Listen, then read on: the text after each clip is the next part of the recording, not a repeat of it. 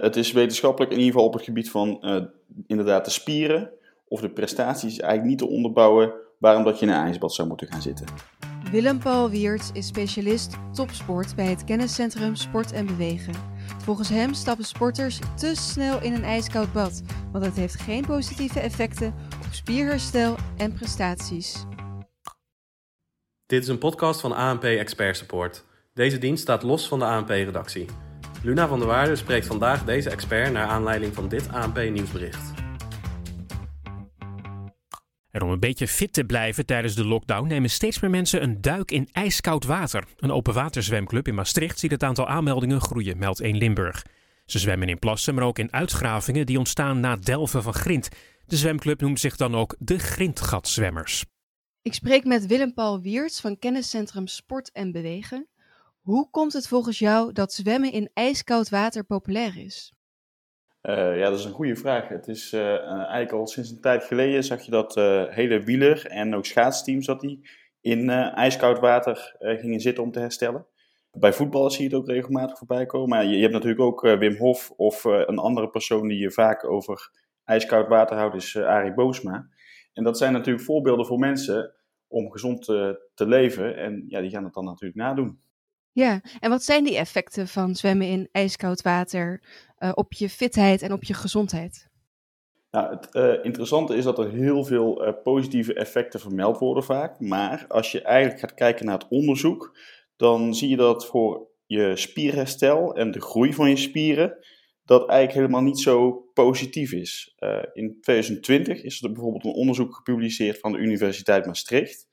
En toen hebben ze mensen hebben ze twee weken lang hebben ze krachttraining laten doen met hun benen. En hebben ze uh, gelijk na die krachttraining hebben ze steeds het ene been in warm water en het andere been in koud water gedompeld.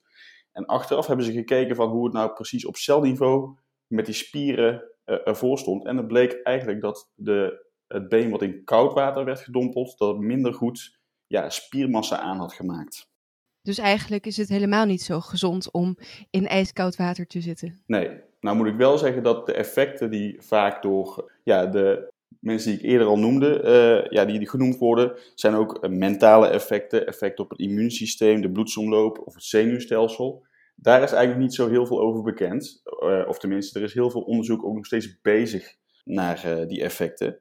Maar als je kijkt naar het herstel of de groei van spieren, of ook naar de prestaties, er zijn ook wel onderzoeken naar gedaan dat ze bijvoorbeeld voetballers of fietsers lieten ze eerst heel hard rennen of heel hard fietsen. En dan gingen ze daarna gingen ze herstellen in een koud bad.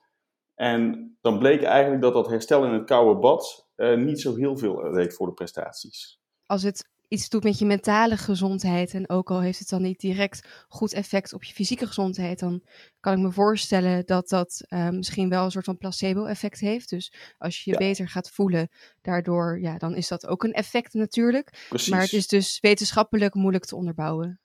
Uh, het is wetenschappelijk in ieder geval op het gebied van uh, inderdaad de spieren of de prestaties eigenlijk niet te onderbouwen waarom dat je in een ijsbad zou moeten gaan zitten. Ja, want je noemde net ook al sporters. Topsporters stappen ook regelmatig in een ijskoud bad of doen aan cryotherapie. Dat is een ja, soort omgekeerde sauna, kun je zeggen. Uh, een soort cabine waar het ijskoud is. Mhm. Mm -hmm. En uh, je noemde net ook al eventjes het spierherstel. Uh, maar dat is wel de reden dat zij dat doen. Heeft dat voor sporters dan ook negatieve effecten? Ja, dat klopt. Dat klopt. kijk, als je na een training gelijk in een zo'n zo'n koelcel of in een ijsbad of onder een koude douche stapt, dan zijn er bepaalde signaalstoffen die door de training vrijkomen in de spier, die ervoor zorgen dat die spier gaat groeien, of tenminste die ervoor zorgen dat die spier eerst gaat herstellen en daarna gaat groeien. Die bepaalde signaalstoffen die komen minder vrij, waardoor dus op de lange termijn dat je spiergroei ook minder is als je dat steeds doet. Dus ook voor topsporters is het uh, niet goed om uh, te doen. Wat niet wegneemt dat sommige topsporters op ja, bepaalde dagen meerdere prestaties kort achter elkaar moeten leveren. En als je dan bijvoorbeeld door zo'n placebo-effect hebt, het gevoel hebt dat je uh, beter herstel hebt en minder spierpijn hebt, dan kan dat misschien wel op korte termijn voor die prestatie helpen. En uh, je noemde net ook al eventjes uh, het koud douchen. Dat is nou, misschien een, tegenwoordig een wat ouderwetsere benadering van kou na het sporten. Maar dat is dus eigenlijk ook helemaal niet zo goed. Als het gaat om spiergroei, nee, dat klopt. Nee. En wat kun je dan beter doen als sporter om uh, je spieren te herstellen? Nou ja, uh, er zijn een aantal hele simpele dingen natuurlijk. Uh, je kunt zorgen dat je voldoende energie inneemt, dus voldoende eet en drinkt. Zodat je in ieder geval de goede trainingsintensiteit kunt halen. Als je minder hard kunt rennen of minder lang kunt fietsen en, en een training minder lang kunt volhouden, dan komt de prikkel om beter te worden, die komt ook minder goed aan. Daarnaast, na een training, kun je zorgen dat je uh, actief herstelt. Dus een actieve cooling down door uh, uit te fietsen of misschien door als je spierpijn hebt de volgende dag na een training een stuk te gaan wandelen. Dat kan ervoor zorgen dat je beter herstelt. En tenslotte ook voldoende eiwitten innemen. Want eiwitten dat zijn eigenlijk de bouwstenen voor je spieren. En die zorgen ervoor dat ook die spieren na het sporten zich weer verder op kunnen gaan bouwen. En je bedoelde net ook al even prestatie uh, stimuleren, of tenminste dat dat een reden is dat mensen in een ijskoud bad stappen of uh, aan cryotherapie doen. Dat is dus blijkbaar ook niet zo. Uh, wat is dan een goede manier om je prestatie te stimuleren? Nou, wat je tegenwoordig vaak hoort, zijn mensen die voor het sporten cafeïne op wat voor manier dan ook innemen. Dus je hebt tegenwoordig heb je ook bepaalde cafeïne kauwgom heb je. Uh, maar je hebt ook uh, pre-workout, wat veel mensen in de sportschool uh, sporten gebruiken. En dat zorgt ervoor dat je eigenlijk in één keer heel erg alert wordt en je spieren goed kunt aanspannen, waardoor je ook het maximale uit die training haalt. Dat zou een manier zijn om de prestaties te stimuleren. Maar wat ik dan nu hoor, dus uh, zowel je spierherstel als prestatie stimuleren, dat zijn echt hele andere tips die jij geeft dan ja. zo'n ijskoud bad. Waar komt dat dan vandaan, dat het idee dat zo'n ijskoud bad zo goed is?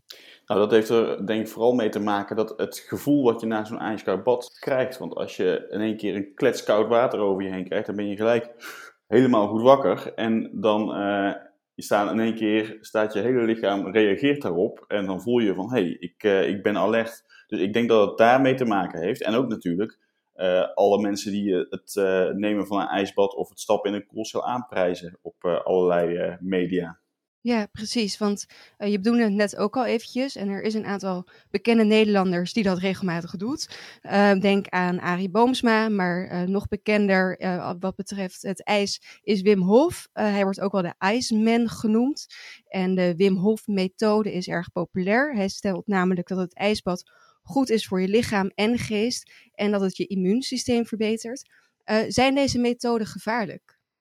In principe denk ik dat er voor amateursporters dat niet zo heel veel gevaar in zit. Uh, natuurlijk geldt bij het uh, nemen van een ijsbad of uh, het koud douchen geldt wat altijd geldt, dat je het rustig moet opbouwen. Dus je moet niet in één keer in een ijsbad duiken zonder dat je dat ooit hebt gedaan en zonder dat je je daarop voorbereid hebt. Maar voor de amateursporter denk ik niet dat het de prestatiebeperkende effecten zo ernstig zijn of de nadelen die eraan zitten zo ernstig zijn dat je dat echt uh, totaal niet zou moeten doen. En voor topsporters? Nou, voor topsporters, als dus het, het doel van de training is om sterker te worden of om meer spiermassa te krijgen, uh, dan denk ik dat het niet goed is om na iedere training in een, uh, in een ijsbad te gaan zitten. Zeker niet. Of in een koelcel. Nee. En in het nieuwsbericht stond dat steeds meer mensen in een ijsbad springen om uh, fit te blijven. Wat zijn dan betere manieren om fit te blijven? Nu zijn de sportscholen gelukkig weer open. Dus ik kan me voorstellen dat dat één manier is. Maar als we de sportschool even niet meedenken, wat zijn andere manieren? Uh, ja, het zijn een beetje open deuren. Maar uh, in ieder geval zorgen dat je voldoende slaapt. Uh, dat je gezond eet. Dat je voldoende drinkt. en natuurlijk bewegen. En dat, dat laatste, dat is er de afgelopen tijd met de, de sluiting van de sportscholen is er een stuk minder van gekomen. Maar ja, juist dat bewegen is heel erg belangrijk voor uh, je algemene fitheid. Dus het is zeker aan te raden voor mensen om, als ze, als ze dat altijd uh, gewoon weer lekker naar de sportschool toe te gaan. Maar anders wandelen, fietsen, gewoon actief bezig zijn. Dat is eigenlijk het voornaamste. Dus om fit te blijven kun je beter naar de sportschool dan in een ijskoud bad springen? Dat is zeker zo, ja. Dankjewel Willem-Paul Wiertz. Graag gedaan.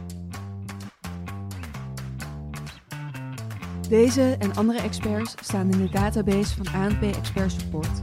Ga voor meer informatie naar anp.nl/slash expertcast. Dit is een podcast van ANP Expert Support. Deze dienst staat los van de ANP-redactie